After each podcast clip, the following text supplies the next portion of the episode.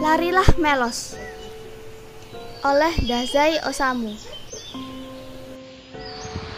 Melos sangat marah.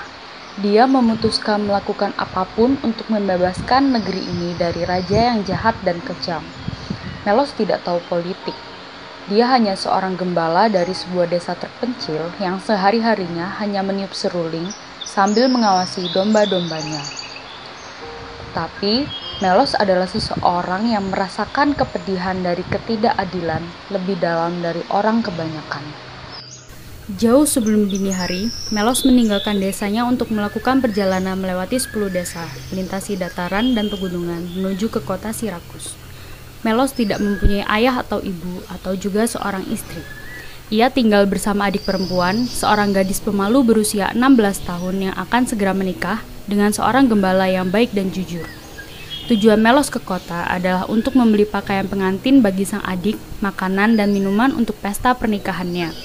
Ia telah membeli semua keperluannya dan sekarang sedang menyusuri jalanan utama ibu kota untuk mengunjungi kawannya, Sally Nuntius.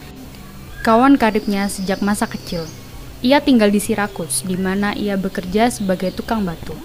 Beberapa waktu berlalu sejak terakhir kali mereka bertemu, dan kini Melos sedang berjalan untuk menemuinya. Sebagaimana yang ia lihat sepanjang jalan, ia merasakan sesuatu yang aneh. Suasana sangat hening dan tenang. Matahari telah tenggelam dan sudah sewajarnya bila jalanan pun gelap dan sepi. Namun, bukan karena malam yang mengakibatkan suasana menjadi seperti ini. Entah kenapa suasana seluruh kota menjadi begitu sepi mencekam. Melos yang pada dasarnya bersifat santai dan periang mulai merasa gelisah. Ia menghentikan seorang anak muda di jalan lalu bertanya apakah ada musibah yang telah terjadi di kota ini.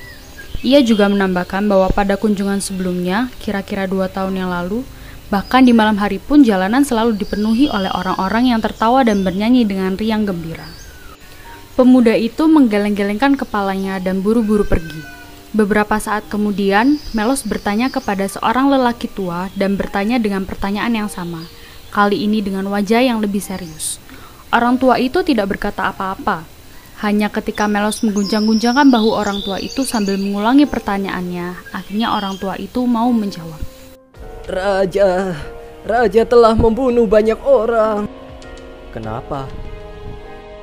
Dia mengatakan bahwa orang-orang itu penuh dengan niat jahat. Tentu saja, hal itu tidak benar. Apakah dia membunuh banyak orang? Tentu saja anak muda. Yang pertama adalah suami dari adik perempuannya. Berikutnya adalah anak raja sendiri, sang pewaris tahta. Kemudian saudara-saudara perempuan dan anak-anaknya. Selanjutnya, istrinya sendiri, sang ratu.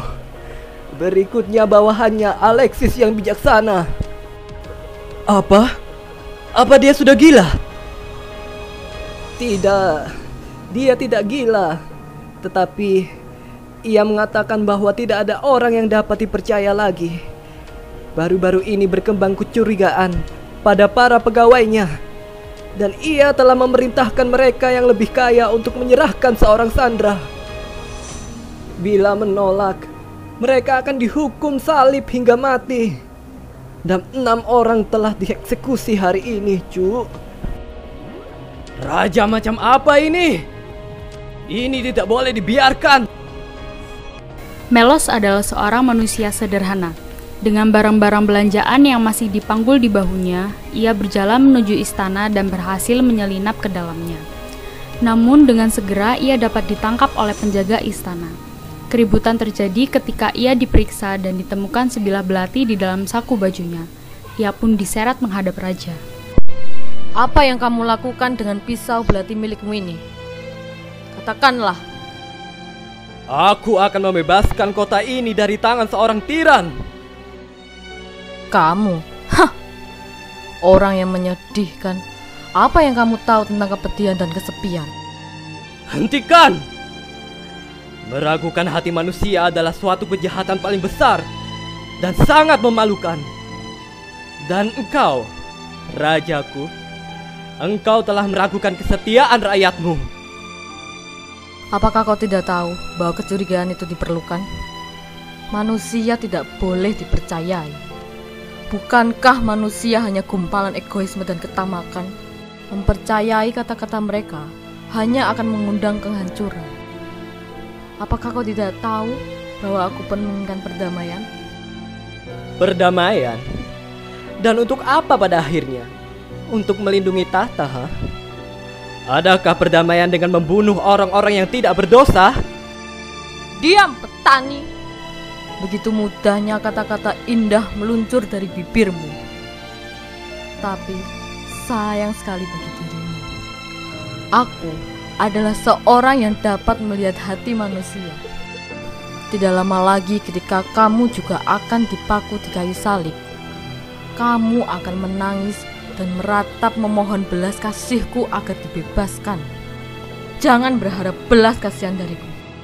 Oh, raja yang sangat bijaksana. Aku tidak begitu terkejut bila Anda hanya mempunyai cinta yang besar untuk diri sendiri.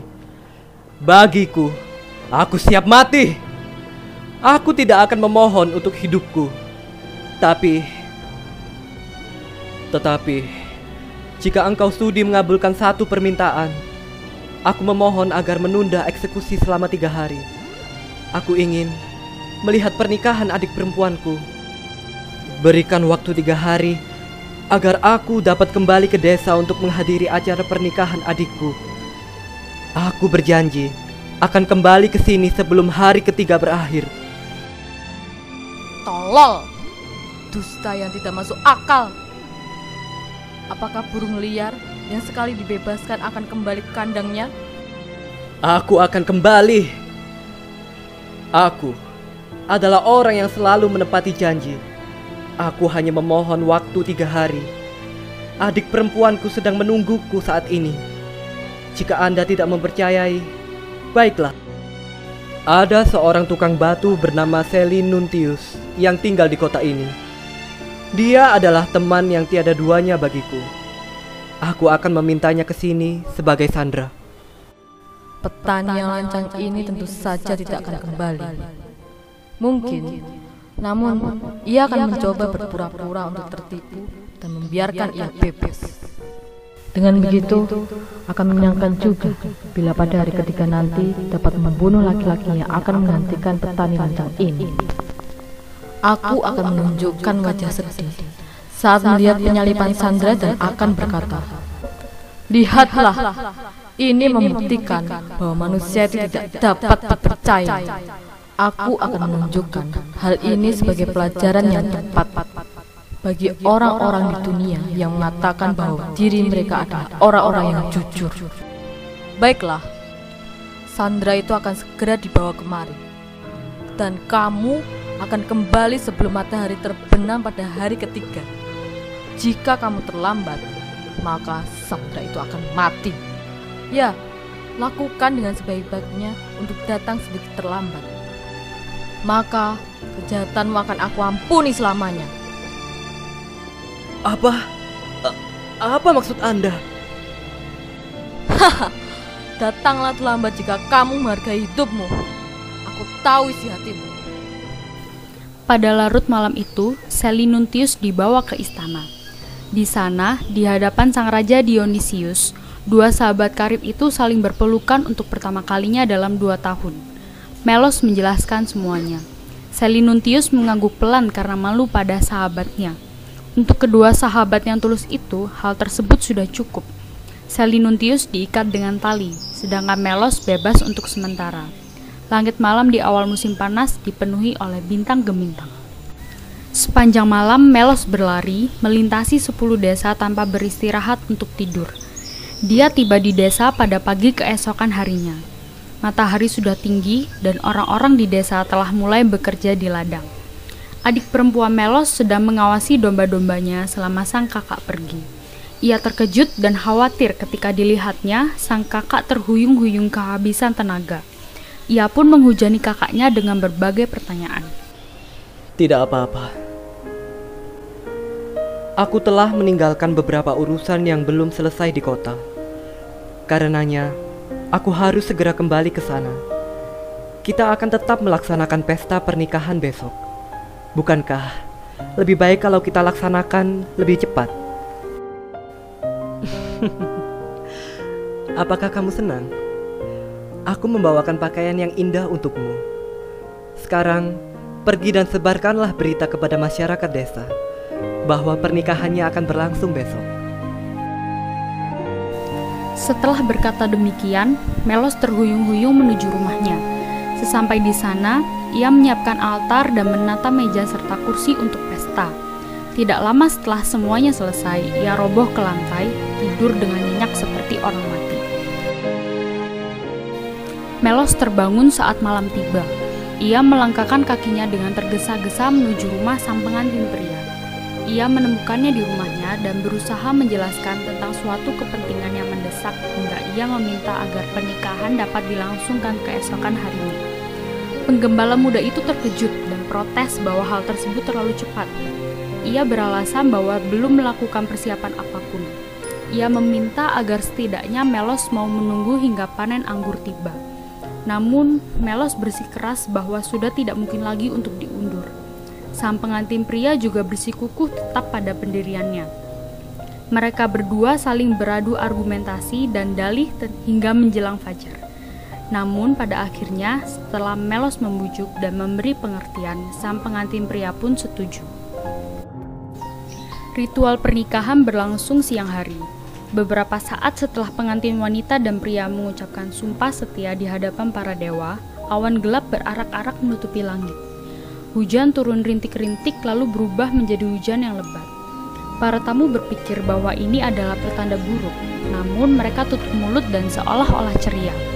Beberapa saat kemudian, meskipun panas dan pengap berada di dalam rumah yang kecil, semua tamu bernyanyi dan bertepuk tangan dengan gembira.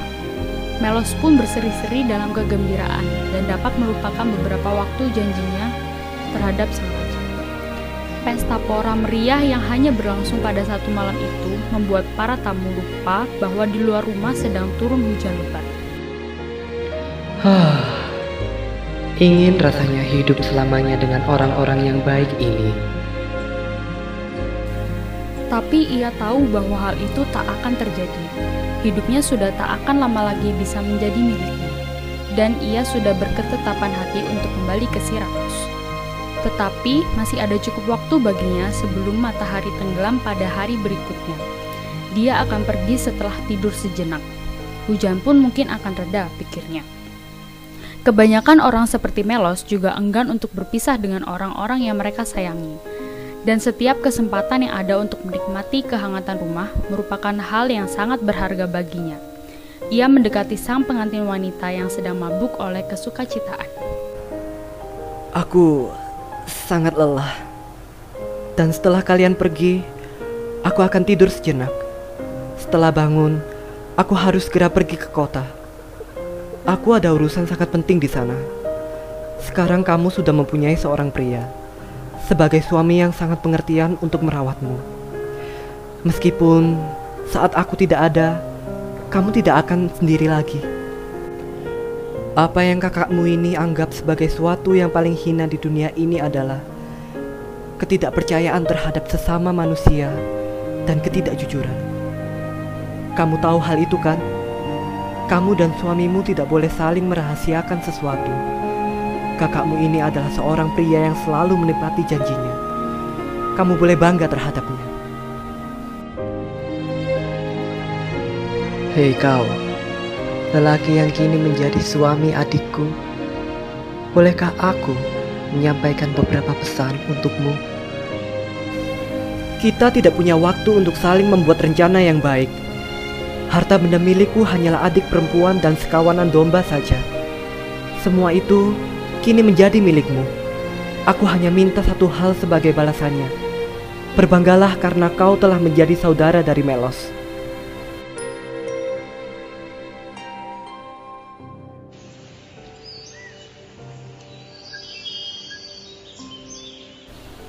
Oh, dewa yang agung, apakah aku tertidur terlalu lama? Tidak, ini masih pagi hari. Jika aku pergi sekarang, aku akan tiba dengan waktu yang cukup. Hari ini, bagaimanapun juga aku akan harus dapat menunjukkan pada raja bahwa seorang manusia dapat dan akan menepati kata-katanya. Dan kemudian aku akan naik ke atas salib dengan sebuah senyuman. Dengan tenang dan penuh ketelitian, Melos mulai mempersiapkan diri untuk menempuh perjalanan. Hujan nampaknya akan segera reda. Beberapa saat kemudian, persiapannya selesai. Ia mengambil ancang-ancang lalu melompat keluar. Ia melesat seperti anak panah. Malam ini, aku akan dibunuh. Aku berlari untuk menemui kematianku sendiri. Aku berlari untuk menyelamatkan temanku yang sedang menunggu sebagai penggantiku. Aku berlari untuk memberi pukulan telak pada hati raja yang dirasuki roh jahat. Aku tak punya pilihan kecuali berlari. Dan aku akan dibunuh. Pemuda, jagalah kehormatanmu semenjak kau masih muda. Oh, kampung halamanku. Tidak mudah bagi Melos muda. Beberapa kali ia sempat ingin berhenti untuk beristirahat. Namun ia putuskan untuk semakin keras berlari ia telah meninggalkan sebuah desa di belakang. Kemudian ia melintasi sebuah dataran yang menuntunnya menuju sebuah hutan. Tidak beberapa lama setelah ia mencapai desa berikutnya, hujan telah reda sama sekali. Matahari kian meninggi, dan hari itu berubah menjadi panas sekali. Melos menyeka keringat di dahi dengan punggung tangannya. Ia telah pergi sejauh ini sekarang. Pikiran yang menyiksa, baik tentang rumah ataupun desanya telah sirna. Adikku dan suaminya telah berbahagia bersama. Sekarang, tidak ada lagi yang menjadi beban pikiranku. Aku hanya perlu berlari lurus menuju istana raja. Aku juga tidak perlu tergesa-gesa karena masih ada waktu yang cukup. Aku bisa berjalan dengan santai dan tetap menepati waktu. Melos mulai memperlambat jalannya dan mulai bernyanyi dengan suara merdu. Sebuah lagu pendek yang ia suka. Dia berjalan melintasi dua tiga desa dengan mudahnya. Namun ketika ia mendekati separuh jalan menuju kota, sebuah bencana hebat membuat langkahnya terhenti. Lihatlah di sana. Akibat hujan lebat yang turun tiada henti kemarin, mata air dari gunung meluap Saluran air dan sungai membesar dan airnya berwarna gelap. Air berwarna keruh mengalir dan mengisi palung-palung sungai. Dengan satu kekuatan penuh, aliran air itu menimbulkan suara gemuruh dan menyapu sebuah jembatan serta menghancurkan balok-balok kayunya hingga pecah berkeping-keping. Melos berdiri terpaku menatap pemandangan itu, seakan-akan tidak percaya. Melos melihat ke sisi sungai di dekatnya dan ke arah sisi lainnya, lalu berteriak sekencang-kencangnya. Namun tidak ada perahu ataupun pendayungan di sana. Air sungai masih mengalir dengan derasnya, berdebur dengan kerasnya laksana ombak di laut yang tak pernah berhenti. Oh, Zeus yang agung. Matahari telah berada di puncak jika pada saat ia terbenam aku belum sampai di gerbang istana, maka maka sahabatku harus mati demi diriku. Seakan-akan sinis dengan tangisan Melos, arus air yang berwarna gelap itu bergulung-gulung dan mengamuk dengan brutalnya. Gelombang demi gelombang berputar-putar menerjang apa pun yang ada. Melos hanya dapat menatap pemandangan itu untuk beberapa waktu. Akhirnya, keputusasaannya berubah menjadi keberanian. Ia tak punya pilihan lain kecuali menyeberangi sungai itu. Wahai para dewa, aku memanggilmu untuk menyaksikan kekuatan cinta dan kebenaran yang tidak akan bertekuk lutut pada air yang mengganas ini. Melos menyelam ke dalam arus sungai dan memulai perjuangan di dalam keputusasaan. Gemuruh ombak menyerang dan menelannya laksana ular raksasa yang tak terhitung jumlahnya. Dengan segenap kekuatan yang dimiliki, ia membelah ombak, membuat jalan dalam gelombang yang bergulung-gulung dengan ganasnya. Ia laksana singa yang ganas dalam sebuah pertempuran. Dan mungkin karena para dewa telah menyaksikan pemandangan heroik ini, hati mereka pun berubah menjadi iba. Meskipun Melos telah terlempar dan hanyut oleh derasnya arus sungai, entah bagaimana ia dapat berenang mencapai sisi sungai. Tubuhnya melekat pada batang pohon yang menjuntai dari sisi sungai. Setelah berhasil naik ke daratan, ia mengibas-kibaskan air yang membasahi pakaiannya dengan tangkas, lalu bergegas pergi. Ia tidak ingin kehilangan waktu. Matahari telah tergelincir ke arah barat. Nafasnya berat dan sesak. Ia terus berlari membelah gunung melalui jalan pintas. Ia baru berhenti untuk mengambil nafas ketika sampai di atas puncaknya. Dan beberapa saat kemudian, entah dari mana datangnya, segerombolan penyamun muncul di depannya. Berhenti! Apa-apaan ini? Aku harus segera sampai di gerbang istana sebelum matahari tenggelam. Biarkan aku pergi! Kami tidak akan membiarkan pergi sampai kami mendapatkan barang-barang berharga yang kau miliki. Aku tidak punya apa pun kecuali nyawaku. Dan hari ini, aku harus menyerahkannya kepada sang raja. Kalau begitu, kami akan meminta nyawamu. Tunggu dulu. Apakah raja mengirimkan kalian untuk menghentikanku? Para penyamun itu tidak mau berbahasa basi. Mereka langsung mengayunkan pentungannya ke udara. Dengan gesit, Melos berhasil menghindarinya. Ia lalu menerkam seorang penyamun dan berhasil melepaskan pentungannya dari tangannya. Sayang sekali. Namun aku harus melakukan ini untuk menegakkan kebenaran. Dengan ganasnya, ia berhasil menerjang dan menjatuhkan tiga pentungan para penyamun itu hingga mereka tergeletak tak berdaya. Sedangkan yang lainnya lari terbirit-birit karena ketakutan. Melos tidak mempedulikan mereka. Ia lalu berlari menuruni gunung. Melos telah sampai di kaki gunung dengan satu gerakan cepat. Namun kini kelelahan mulai menjalar di tubuhnya. Matahari senja kini bersinar dengan terik, tepat di wajahnya. Gelombang kepeningan menyapu dirinya. Lagi-lagi ia harus berjuang melawan keputusasaannya. Ia terhuyung-huyung Lututnya menyentuh tanah dan ambruk. Ia tidak bisa bangun. Ia berbaring terlentang dan menangis dengan pedih. Ah, Melos. Engkau telah melakukan sejauh ini. Engkau telah berenang di sungai yang ganas, mengalahkan tiga penyamun, dan lari sekencang Hermes sendiri. Melos yang pemberani dan penuh kejujuran. Betapa memalukan jika engkau berhenti sampai di sini, hanya karena terlalu lelah untuk bergerak. Sebentar lagi, sahabatmu harus membayar nyawanya untuk sebuah kepercayaan kepadamu. Oh, kamu adalah manusia yang tidak dapat dipercaya.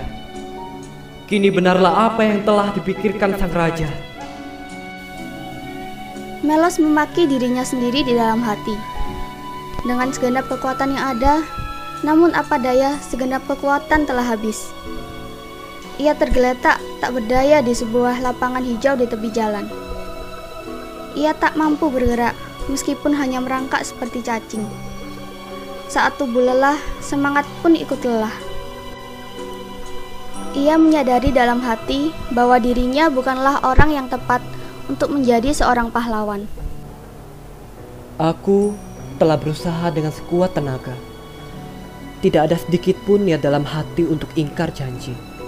Para dewa menjadi saksi. Aku telah berlari sampai tak bisa bergerak lagi. Aku bukan manusia yang tak setia. Haruskah aku membelah dada ini agar kamu dapat melihat betapa merahnya hati ini, di mana yang menggerakkannya hanyalah darah dari cinta dan kebenaran. Namun, pada saat yang paling penting ini, kekuatanku dan semangatku telah sirna. aku adalah laki-laki malang. Aku pasti akan menjadi tertawaan seluruh keluarga pun akan ditertawakan. Aku telah menipu sahabatku. Terkapar di tengah jalan sama saja dengan tak melakukan apa pun sejak dari awal. Ah, sudahlah. Terserah apa pun yang akan terjadi. Mungkin ini sudah menjadi nasibku. Selinuntius, maafkanlah aku. Kamu selalu mempercayaiku. Aku juga tidak menipumu. Kita berdua adalah sahabat sejati. tak pernah sekalipun awan gelap keraguan berlabuh di hati kita. Dan sampai sekarang pun, dengan sabar engkau tetap menanti kedatanganku. Ah, aku tahu engkau sedang menungguku. Terima kasih Selinuntius. Engkau telah mempercayaiku. Dan kepercayaan di antara kita adalah harta yang tak ternilai. Aku sangat pilu bila memikirkan hal itu. Aku telah berlari Selinuntius. Sedikit pun aku tak punya maksud untuk menipumu. Percayalah padaku. Aku telah mengarungi sungai yang meluap. Aku telah berhasil meloloskan diri dari gerombolan penyamun yang menyergapku dan berlari hingga ke kaki gunung tanpa beristirahat sedikit pun. Karena dirikulah yang dapat melakukan semua ini. Tetapi sekarang jangan berharap apa pun lagi dariku. Lupakanlah aku. Terserah apa yang akan terjadi. Aku telah kalah dengan tidak terhormat. Kamu boleh menertawaiku. Samar-samar, aku telah mendengar bahwa raja mengatakan bahwa aku boleh datang agak terlambat. Jika terlambat, raja mengatakan akan membunuh penggantiku dan berjanji akan menyelamatkan nyawaku. Aku membenci tindakan hina sang raja. Tapi lihatlah diriku. Keadaanku sekarang telah menjadi seperti apa yang dikatakan sang raja. Mungkinkah aku akan datang terlambat? Jika memang demikian, hal itu akan sangat berat daripada mati. Aku akan dicap sebagai seorang pengkhianat selamanya. Sebuah jenis manusia yang sangat tidak terhormat di dunia ini. Oh, Selinuntius, aku juga akan mati. Hanya kamu yang dapat mempercayaiku. Oh, apakah aku punya hak untuk itu? Apakah seharusnya aku tidak hidup dalam dunia yang penuh kejahatan ini? Aku punya rumah di kampung halaman dan juga domba-domba. Mungkinkah adikku dan suaminya akan mengusirku dari kampung halaman? Kalau aku memikirkan tentang kebenaran, kepercayaan, cinta, bukankah semuanya itu hanya kata-kata belaka? Kita membunuh manusia untuk bisa hidup. Itulah hukum di dunia ini. Ah, betapa sia-sianya semua ini. Aku adalah seorang pengkhianat yang kecil. Apa pun yang aku lakukan sudah tidak penting lagi. Saat ia terbaring di tanah, samar-samar terdengar bunyi air yang mengalir. Ia coba mengangkat kepalanya dan menahan nafas sejenak. Nampak di dekat ujung kakinya air sedang mengalir. Ketika ia berusaha untuk bangkit dan coba untuk melihat, ternyata dari sebuah celah karang mengalir air yang jernih. Melos mencoba membungkuk untuk menghirup air dari sumber air tersebut. Ia menampung air itu dengan kedua telapak tangannya, lalu meminumnya seteguk. Saat itu juga, seperti tersadar dari sebuah mimpi panjang, tubuhnya segar kembali. Ia mencoba berjalan, dan ia bisa. Bersamaan dengan pulihnya tenaganya, sebuah percikan harapan menyala di dalam hatinya sebuah harapan di mana ia akan dapat memenuhi kewajibannya. Sebuah harapan di mana ia dapat mempertahankan kehormatannya untuk mati di tangan sang eksekutor. Matahari yang tenggelam memantulkan sinarnya berwarna merah ke arah pepohonan, seolah-olah berkobar membakar dedaunan dan ranting-rantingnya. Masih ada waktu sebelum matahari tenggelam. Seseorang sedang menungguku. Dengan sabar dan tidak pernah meragukanku, ia mempercayaiku. Nyawaku sudah tidak ada artinya. Namun, saat ini sudah tidak ada waktu untuk meminta maaf dengan kematianku. Aku harus dapat memberikan bukti yang layak untuk kepercayaan ini. Untuk saat ini, hanya ada satu hal untuk semuanya itu. Cepat larilah Melos! Ia mempercayaiku. Ia mempercayaiku. Bisikan setan beberapa saat yang lalu hanyalah sebuah mimpi. Sebuah mimpi buruk. Buanglah dari pikiranmu. Manusia akan mengalami mimpi seperti itu ketika tubuhnya letih. Tidak perlu malu, Melos. Kamu adalah manusia dengan keberanian sejati. Bukankah kamu seharusnya bangkit dan mulai berlari lagi? Oh, syukurlah. Aku dapat mati sebagai seorang yang penuh dengan kebenaran. Oh, matahari sebentar lagi tenggelam. Tunggu dulu, Zeus. Sejak lahir aku adalah seorang pria yang penuh kejujuran. Izinkanlah pula aku mati sebagai seorang pria yang jujur. Sambil mendorong orang-orang yang memenuhi jalan ke samping, serta menyingkirkan beberapa di antaranya, Melos berlari laksana angin kelam. Melos berlari 10 kali lebih cepat saat matahari sedikit demi sedikit mulai tenggelam.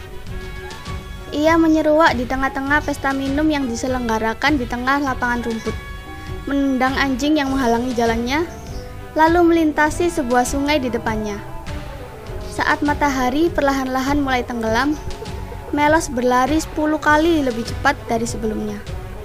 Ia berpapasan dengan sekelompok pengelana dan samar-samar mendengar kata-kata yang menyedihkan dari mereka. Orang itu akan disalib sekarang. Ah, orang itu. Untuk orang itulah aku berlari sekarang. Aku tak akan membiarkan orang itu mati. Cepat Melos, kamu tidak boleh terlambat. Justru saat inilah saatnya untuk menunjukkan kekuatan cinta dan kejujuran. Melos sudah tidak mempedulikan penampilannya. Ia kini berlari hampir dalam keadaan telanjang. Melos sudah tidak bisa bernafas. Dua tiga kali mulutnya mengeluarkan darah. Lihatlah, di kejauhan sana terlihat menara Sirakus. Menara itu bercahaya diterpa sinar matahari yang tengah tenggelam. Hah? Bukankah itu Tuan Melos? Siapa yang berbicara? Saya Pilostratus, Tuan murid teman Anda Selinintius. Anda sudah terlambat, Tuan. Sudah tidak ada harapan lagi. Anda tidak perlu berlari lagi sekarang. Anda sudah tidak dapat menolongnya lagi. Matahari belum tenggelam. Tepat pada saat ini beliau sedang menghadapi eksekusi. Anda sudah terlambat, Tuan. Seandainya Anda datang lebih cepat. Tidak. Matahari belum tenggelam. Matanya terbuka lebar. Matahari yang berwarna merah telah berada di cakrawala barat. Tidak ada yang dapat ia lakukan kecuali berlari. Cukup, Tuan. Berhentilah. Saya mohon berhentilah. Saat ini nyawa Anda lah yang paling penting. Guru saya percaya kepada Anda. Bahkan ketika mereka menyeret beliau ke lapangan eksekusi, beliau tetap tidak peduli. Dan Meskipun sang raja mengelok dan mengejeknya, yang selalu beliau katakan adalah, Melos akan datang. Kepercayaan beliau kepada Anda tetap teguh hingga akhir. Karena itulah aku harus berlari. Aku berlari karena keyakinan dan kepercayaan itu.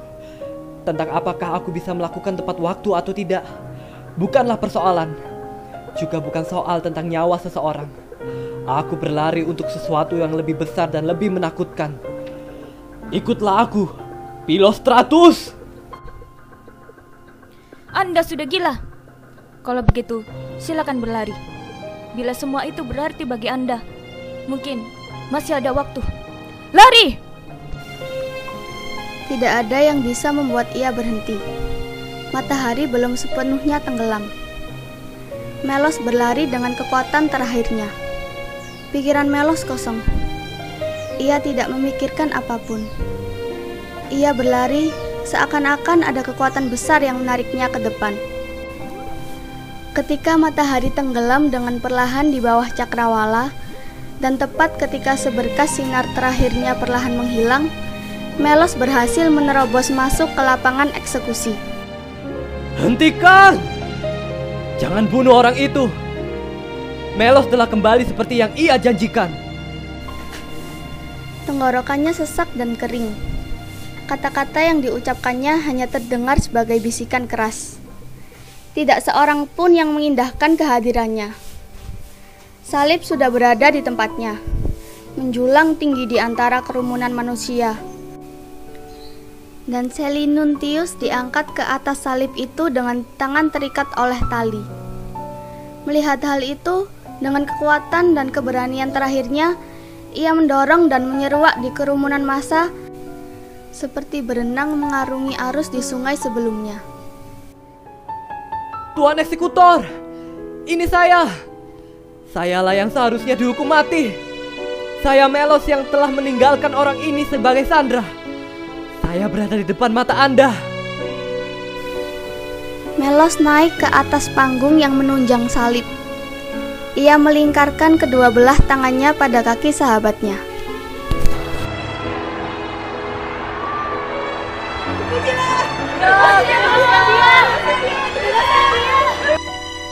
Karena teriakan itulah, Selinuntius pun diturunkan dan dilepaskannya dari ikatannya. Selinuntius, pukullah aku, tendanglah aku sekuat-kuatnya. Pada satu waktu, dalam perjalananku ke sini, sebuah mimpi buruk menghampiriku. Jika kau tidak mengukulku, aku tidak punya hak untuk memelukmu. Pukullah aku, Selinuntius. Selinuntius tampak memahami maksud sahabatnya. Ia mengangguk, lalu menampar pipi kanan sahabatnya. Suara tamparan menggema di sekitar lapangan eksekusi. Ia tersenyum bangga. Melos, pukullah aku. Tamparlah aku sekeras dan seyakin seperti aku menamparmu tadi. Pada suatu waktu dalam tiga hari terakhir, aku telah meragukanmu. Hanya sekali, namun itu untuk pertama kalinya dalam hidupku. Jika kau tidak mau memukulku, aku tidak bisa memelukmu.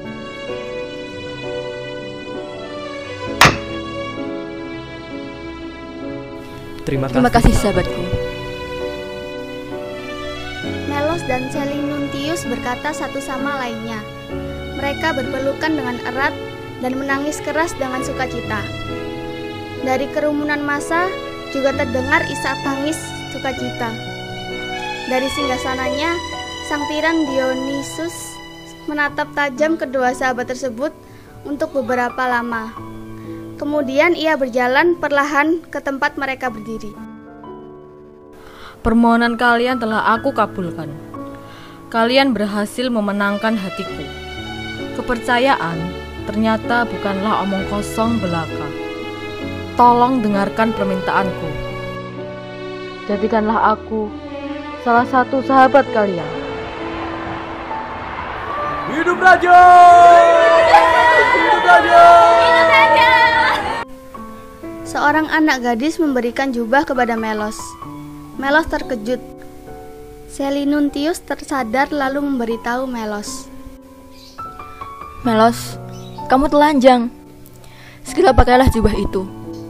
Anak gadis ini tidak tahan melihat kamu telanjang di hadapan banyak orang.